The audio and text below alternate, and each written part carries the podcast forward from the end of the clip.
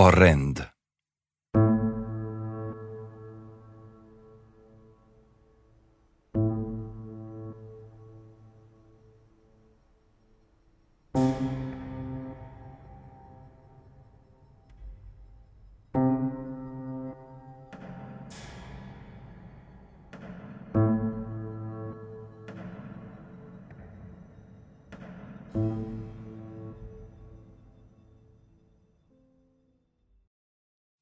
Mindennek szigorú rendje volt, és ha valamit nem úgy és nem az szerint csináltam, akkor meg kellett ismételni, ameddig jó lett. Vagy ha nem azt és nem úgy mondtam, akkor szelíden. Ám ellentmondás nem tűrő hangon kiavítottak. Ahányszor kellett. És hiába kérdeztem vissza, mert az volt mindig a válasz, hogy azt úgy kell, az úgy helyes. A mindennapi tevékenység meg a gazdálkodás dolgában ez egyértelmű volt. Még csak fel sem merült, hogy tudom a választ, vagy másként is el tudnám végezni azt a munkát, mert nekem is mindenben részt kellett vennem. És ez legalább olyan izgalmas volt, mint az indiánozás. Ugyanakkor a tágasság. A Kádár műhelyben tíz különböző gyalú, mindnek saját neve. Dongaszorító és verő, fúró meg furdancs, és egy halom véső, mindenféle faanyag, tölgy, cserefa, bükk, gyertyán, akác, kőris, szíl, som, fenyő, luc erdei, cirbolya jegenye. Fűzfa is legalább tízféle van, juhar, nyár és nyír. Mindenik másra való. És egy hordót, kádat összeállítani, vagy csak egy dongát kicserélni hihetetlenül izgalmas dolog. Talán a szénacsinálás fogható még ehhez, amikor nagyapám két bugja felrakása között elmeséli, hogy régen hetekre felköltöztek a havasra, kaszálni és takarni. Ahogy télen is fát vágni. Csak egyszer jöttek le egy héten, mert körülbelül egy heti élelmet bír el a hátán az ember. Krumpli, puliszkaliszt, szalonna, túró, hagyma. Izgalmas volt a szénahordás, mert azt hiszem, éreztem és értettem, hogy ez a folyamat a fűszáltól a teig tart, és ennek az én gerebjém is része, ahogy én magam is. Végignéztem egyszer, hogy megellik a bivaj. Világra jön a borja, a bocs. Megvártuk, amíg lábra áll. De én ilyet akkor már láttam, mert a bárányok is ugyanúgy születnek. És az ember. A dolgok rendjéről is azt gondoltam, hogy nekem abban szerepem lehet, és ha valamit én tudok jobban, például, hogy nem öt, hanem hat óra van már, azt nyugodtan közölni lehet, hisz mindannyian az igazságra törekszünk, a helyességre. De nagyapám rossz néven vette, hogy én jobban tudom az időt, mert ha ő látja a napon az ötöt, akkor az óra hatot nem mutathat. Akkoriban vezethették be a nyári időszámítást, vagy csak belefeledkezett a maga tempójába. Be is megyek a kertből, hogy a kakukkos órán ellenőrizzem a pontos időt. Azon tanultam előző évben az órát leolvasni, meg a római számokat. Éppen tőle. Különben fölösleges az ellenőrzés. Pár perce jöttem ki, az is lehet, hogy a nagymamám küldött, hogy szóljak. Negyed hét van, mire visszaérek, elég nagy a kert. Az nem lehet, mondja nagyapám újra, és gyomlál tovább. Én pedig állok tanácstalanul. Akkoriban egyszer ebédnél mondtam valami kapcsán, hogy Ceausescu nem király, hanem elnök. A párt főtitkára. Így tanultuk az iskolában. Ez fontos. Még okoskodtam valamit az űrkutatásról, arról is tanultunk. Azután elhallgattam, mert éreztem, hogy baj lesz. Nem tudtam akkor még, hogy nagyapámat kijavítani, felülbírálni, halálos bűn. Azt mondani, hogy rosszul tudja, téved, hibázott, egyszerűen nem lehet. Előbb csettint a nyelvével, hogy elég már, és aztán hamar a bivaj sorsára juthat, aki nem érti meg a helyzetet, és nem tudja a helyét. Teljesen mindegy, hány óra van. Korhat-e az a deszka, amit a hordó alá teszünk, és mit írnak az újságban. Teljesen mindegy, hogy én látom-e, vagy tudom jól, úgyis az lesz, az kell történjék, amit nagyapám akar. És ez a dolgok szigorú rendje. Ha ő azt mondja, hogy öt óra van, akkor öt óra van. A deszka nem korhat, Ceausescu pedig Románia királya. Sosem járt ember a holdon. Elkésünk az istentiszteletről, a deszka eltörik, az űrkutatásnak és Ceausescu-nak mindegy. A gyermeknek viszont hallgassa neve. Egyszer és mindenkor. Még csak véletlenül sem fordulhat elő, hogy igaza van, vagy lehetett volna. Késve indulunk az Isten tiszteletre. Nagyapám rám mordul, hogy siessek, elkésni bűn. Meg sem borotválkozik, át sem öltözik, csak lerúgja a sáros gumicsizmát és bakancsot húz. A deszka miattam törik el a hordó alatt. Nagyapám dühösen néz, és egy mozdulattal elküld játszani. Később felaprítja a deszkát, amelynek a belső oldalát én láttam korhadni, de ő nem volt hajlandó megnézni, vagy tudomásul venni, amit mondok. Még szörnyűbb volt az, amikor a nagymamám kioktatott arról, hogy hol van a helyem, és szót kellett fogadnom, mert ha nem, akkor megbüntet a jóisten. Tehát, ha azt mondom, hogy siessünk, mert hat óra van már, nem pedig öt, el fogunk késni, és valóban elkésünk, engem fog megbüntetni az úr, bár igazam volt, de ellentmondtam a nagyapámnak. Ha ez így van, jobb lekésni az Isten tiszteletet, bár ezt akkor így nem gondoltam végig, de nagyon féltem, és valahányszor elejétől a végéig elmagyarázták nekem a dolgok rendjét, a világ összeomlott bennem. A sírás környékezett. Három pillére volt baróton az univerzumnak. Nagyapám, Isten és a valóság. Minden úgy kell legyen, ahogy azt nagyapám mondja. Mert ez valójában Isten akarata. A valóság ezt vegye tudomásul. Mi többiek csak lődörgünk össze-vissza, és reszkedhet az inunk, mint a bivajnak, ha nem találjuk el a dolgok rendjét, ha nem tudjuk, hol van a helyünk. Soha nem vertek meg. Egyszerűen közölték velem, hogy nem is létezem. Ijesztő volt ez, és elfogadhatatlan, mert következetesen csinálták. Teljesen zárt világ vett ebben körül.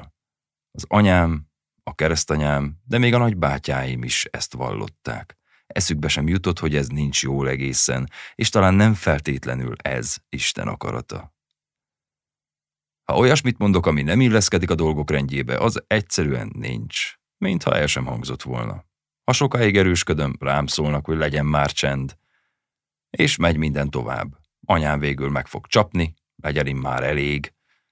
Még mindig jobb, ha ő ver meg, mint ha majd az élet. Elég hamar megértettem, hogy ha kérdeznek, nem válaszolnom kell, hanem azt mondani, amit ilyenkor hallani akarnak.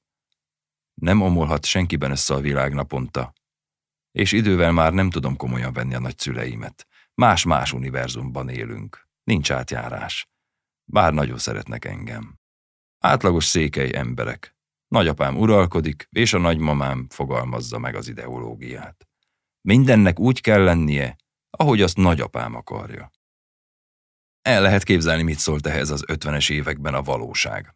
Azon is hosszan el lehet gondolkodni, hogy Jézus Krisztusnak hol maradt ebben a világban hely, mert őt gyakrabban emlegettük. Rá gyakrabban hivatkoztunk, mint az átlagos székelyek. Nyolc vagy tíz évesen ilyesmikre természetesen nem gondolok. De Will és Tom nagybátyáim sokkal szimpatikusabbak, mint a nagyapám, aki számára az indiánok sem léteztek. De nekem elég volt kilépnem a kapun és elindulni felfelé a víz utcán, hogy a dolgok rendjéről megfeledkezzem. Nagymamám egyfolytában mondott még, nehogy valami rosszaságot csináljunk, nehogy tüzet rakjunk az erdőben, ne maradjak sokáig el. Egész litánia volt, ami azzal zárult, nehogy a híred előbb érjen haza, mint te. De ezt már csak ő hallotta. Az indiánok már teljes fegyverzetben vártak. Messze kék lett a hargita, és amikor délben szalonnát sütöttünk nyárson, gyakran felejtettünk el imát mondani, Utólag jutott eszünkbe rendszerint. Isten elnézte, nagyapánk nem tudott róla, ez volt a valóság. Az egyetlen és az igazi. A legfélelmetesebb dolog az árvíz volt. Mégpedig az 1975-ös, ami egész Erdély csújtotta. Az utcán, az út túloldalán a barótpatak folyt, és gyakori volt, hogy nagyobb esők után az utcán hömpölygött a víz, Tudta már mindenki, hogy ha délután sötét zivatar felhőkbe veszett a délhargita, még sötétedés előtt kiléphet a patak a medréből. Nagy vízjő, mondták. Másnap reggelre már a mederben zúg ismét, harmadnapra pedig le is tisztul. Csak homályos még egy kicsit. És hideg a víz, napokig. Akármilyen forró nyár van. Nem emlékszem, hogy akkor már tudtam-e az özönvízről, vagy csak később kapcsolódott számomra végérvényesen össze a 75-ös árvízzel, tulajdonképpen mindegy. Folyamatosan esett az eső. A patak medrében sáros víz futott le. Ágakat, fadarabokat vitt. Tudtuk ilyenkor, hogy árad, de már napok óta ez volt. Hol magasabb, hol alacsonyabb. Nyugtalanító közelség. Néha valamelyik szomszéd hírét hozta, hogy fent, Magyar Hermányban vagy Nagybacomban hatalmas eső esett. Elgondolkoztam, mitől olyan hatalmas, amikor itt is megállás nélkül zuhog.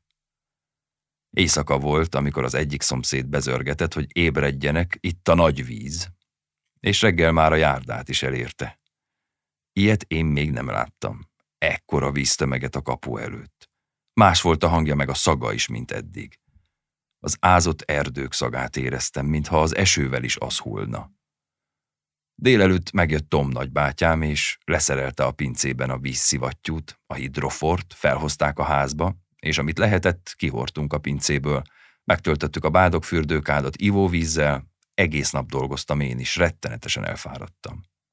Az eső szakadt, a patak nőtt, hullámzott a vize. Pálcát szúrtam az elázott földbe, de mikor egy hullám elérte, onnan a víz már nem vonult vissza. Átjött a járda vonalán, be az udvarra. És ha kinéztem az utcára, láttam, hogy a fodrozódó víztükör a túlparti mezőt is ellepte. Az egész utca egy rohanó folyó, amelyben sötétvörösen örvénylik az áradat. Rohamosan nőtt a vízszint, beszorultam a házba, és az ablakból néztem az utca rettentő képét, amint hatalmas fatörzsek úznak himbálózva, forogva, és egyre félelmetesebben morajlik, szinte remeg a ház, és az ablak előtti öreg házfa törzse is reszket folyamatosan. A víz szemlátomást nő, látszik a fatörzsön, a kerítésen, a virágos kertben, megtelt a pince, nem is a lépcsőn ment le a víz, hanem a földből jött fel. Mint egy kis szökőkút olyan volt, és a betonfalból is vékony sugárban spriccelt. Tele van a kút, és hátrafelé az udvar is egyenletesen elmerült. A víz egyre nő, az eső megállás nélkül zuhog. Többször felmegyünk a padlásra, felhordjuk a kenyeret, a szalonnát, a lisztet, mindent, amire majd ott szükség lesz, ha betalál jönni a víz a házba. Az ágyak a szekrény lábai alá téglát rakunk, felszedjük a szőnyegeket. A víz egyre magasabb, már csak négy újnyi hiányzik, és bejön. Az udvaron derékig ér. Nagyapám alig tud előjönni a csűrből meg az istálóból, a bivaj keservesen merkel a vízben, nagyapám színát vetelé, még utoljára. A disznók visítanak, nincs amit kezdeni velük. Ússzanak. A víz hátrafelé folyik az udvaron. A konyha ablakából jól látom, hogy nagyapám a kerítés léceibe kapaszkodik, úgy jön. Mi nem látjuk, de ő majd elmondja, hogy a víz a kaput kiemelte a sarkából, és a szomszédháznak döntötte. Lehet, hogy el fogja vinni, és nem tudjuk semmivel megkötni. Ott már túl nagy a sodrás, lejt az udvar. Délután eláll az eső, felmegyünk a padlásra, kiemelünk egy tetőcserepet, hogy szétnézzünk. A szemközti hegyoldalig mindent víz lep, és a patak sejthető medrében ijesztő sebességgel úsznak a farönkök, egyszer állatok is, nem látni pontosan juhok-e vagy kecskék, szénabogják, háztető maradványai, az árvíz összes szemete. Megint szemerkelni kezd az eső, ettől a látvány még nyomasztóbb és félelmetesebb. Ugye nem fogja elvinni a házunkat? Kérdezem századszor is. Megnyugtatnak? Nem, ez egészen új kőház. De érzem a nagyapám hangjából. Semmi sem biztos. Azután motyogni kezd, halkan énekelget. Leülünk az asztalhoz, imádkozunk, megebédelünk, mintha utoljára. Majd előveszi a Bibliát, és olvasni kezdi az özönvíz történetét. Isten választott népe vagyunk. Számomra ez akkor egyértelmű, nem esett bajunk. Valamikor délután észrevesszük, hogy újnyit apadt a víz. Arra is gondolok, jöhetne már az anyám, értem, elegem van ebből a nyaralásból. Anyám persze nem jön. Egész erdély víz alatt van. És évekig valahányszor megdörren az ég, vagy csak esni kezd, félek. Hallgatom a patak morajlását. Aztán ugyanolyan rohamosan, ahogy megnőtt, a víz apadni kezd. Éjfélkor már a kapunk kívül van.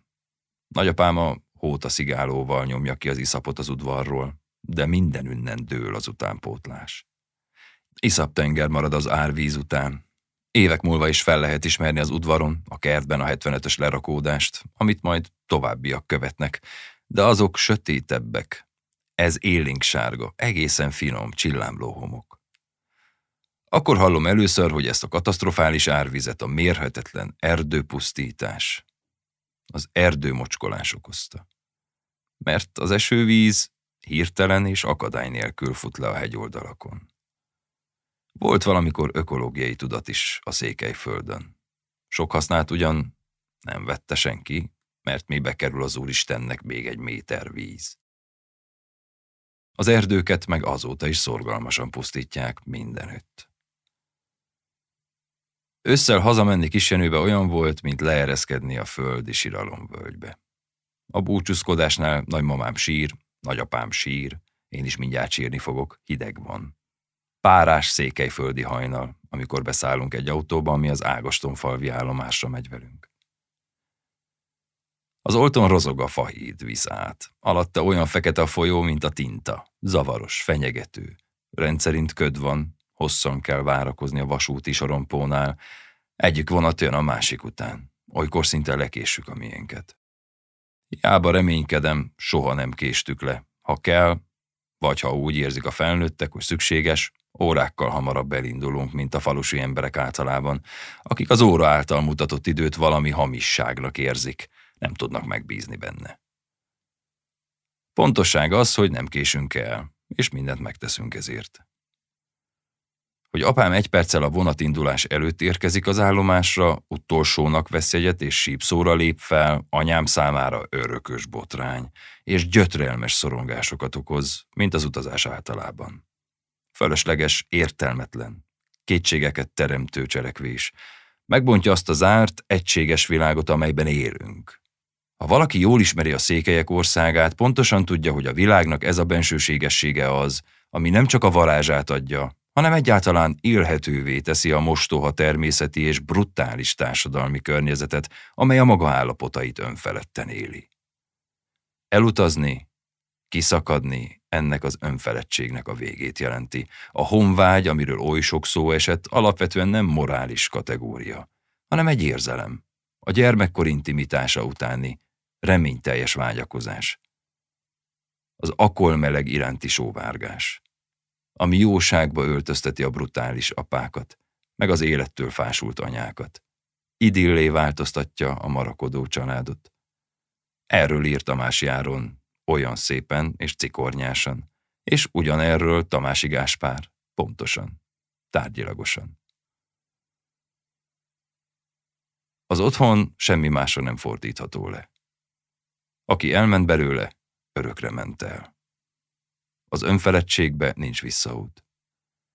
Minden ősszel átéltem a kiszakadás drámáját, ami jó másfél óra hosszan pontosan Segesvárig tartott. Mentálisan ott ért véget a székelyföld, nekem legalábbis. Onnan nyugatra egy fokkal oldódik a növényzet haragos zöldje. Más lesz az ég, a felhők színe, más a napfény, a víz, talán mert a kora reggelből délelőtt lett. Gyerekkoromban évente kétszer vonatoztam át Erdélyen, Arattól Brassóig és vissza. Nem is tudtam sokáig, hogy ez pontosan az, amelyikről a könyvek beszélnek. Valahogy nem került szóba, nem beszéltünk róla otthon, sem a vonaton. Valahogy Erdély sem volt akkor divatban. Aztán egyszer rájöttem. Állt a vonat az Alkenyéri állomáson. Sibot. Már egy jó ideje. Nyárvégi meleg, várakozás, legyek, Unalom. Kinizsi pálszobrát addig is láttam a vonatból többször.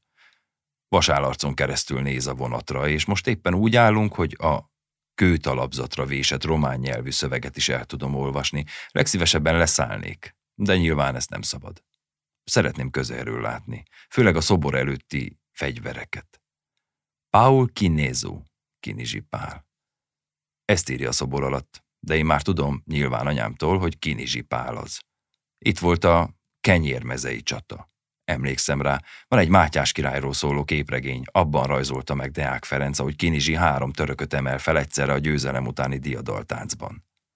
Valahogy összekapcsolom a dolgokat. Az is lehet, hogy nem akkor és nem azonnal, nyilván több forrásból származik a tudásom, de ott és akkor számomra világos lesz. Ez az. Valami olyan borzongás fut át rajtam, amire azelőttről nem emlékszem a felismerés, hogy ez nem egy mese, nem a képes könyv, vagy éppen a tévében nézett film, hanem a valóság. Ennek a részese vagyok. Ez most velem történik. A történelem is ugyanolyan bensőséges tud lenni, akár a család. és az idélből a káosz felé vezet az eszmélkedés. Sokáig nem tudtam ezzel a kenyérmezei élménnyel semmit kezdeni. Csak izgatottan vártam mindig a szobor felbukkanását, és szomorú voltam, ha eltakarta egy másik vonat. De nem volt ez gyakori, rendszerint ott volt a kupénk ablaka előtt. Kolozsváron lesz majd ehhez fogható élményem, amikor először tekintek fel Mátyás király szobrára, de az még később lesz, és tovább tart. Kisenőben nincs semmi. Ez a mindenkori megérkezés alapélménye, és teljesen érthetetlennek tartom az anyám gyerekes örvendezését, mitől lehet úgy elragadtatva. Nem érti, hogy nekem ott jó, itt rossz, legalábbis semmilyen. És most megint egy évig csak azt várom, hogy elvigyen oda. Úgyhogy vártam egész évben a barótra való elutazást, mintha csak is annak a világnak volna egyedül értelme. Minden egyéb szürke, unalmas, egyhangú, jellegtelen. Olyan elérhetetlenül messze volt a következő nyár, mint anyámnak a hazatérés, amelyről örökre le kellett mondania. De mindig hazamentünk, ha mentünk, mert neki egyedül az volt otthon. Semmi más nem lehetett. Minden ahhoz igazodott, ahhoz képes volt valamilyen. Jó, elfogadható. De inkább rossz. Mert a különbözés nyugtalanító, aggasztó állapot számára. Benne is maradéktalanul megvolt a dolgok rendje, és az az igény, hogy a dolgok abban a rendben legyenek, amit ő szab. Ami egyedül helyes, mert ő azt otthon úgy tanult az apjától. Ha nem tudja is ezt olyan drasztikus eszközökkel érvényre juttatni, mint a nagyapám, de makacsul és szívósan próbálkozik. Ha valaki ellenáll, vagy a rend értelmes voltában kételkedni merészel, akkor a baróti család ellen követel merényletet, vagy kihágást, azaz a jó Isten ellen. Úgy lebeg anyám fölött Gyurika bácsi nagyapám világképe, mint a legvadabb frajdi elméletben a fölöttes én. Thank you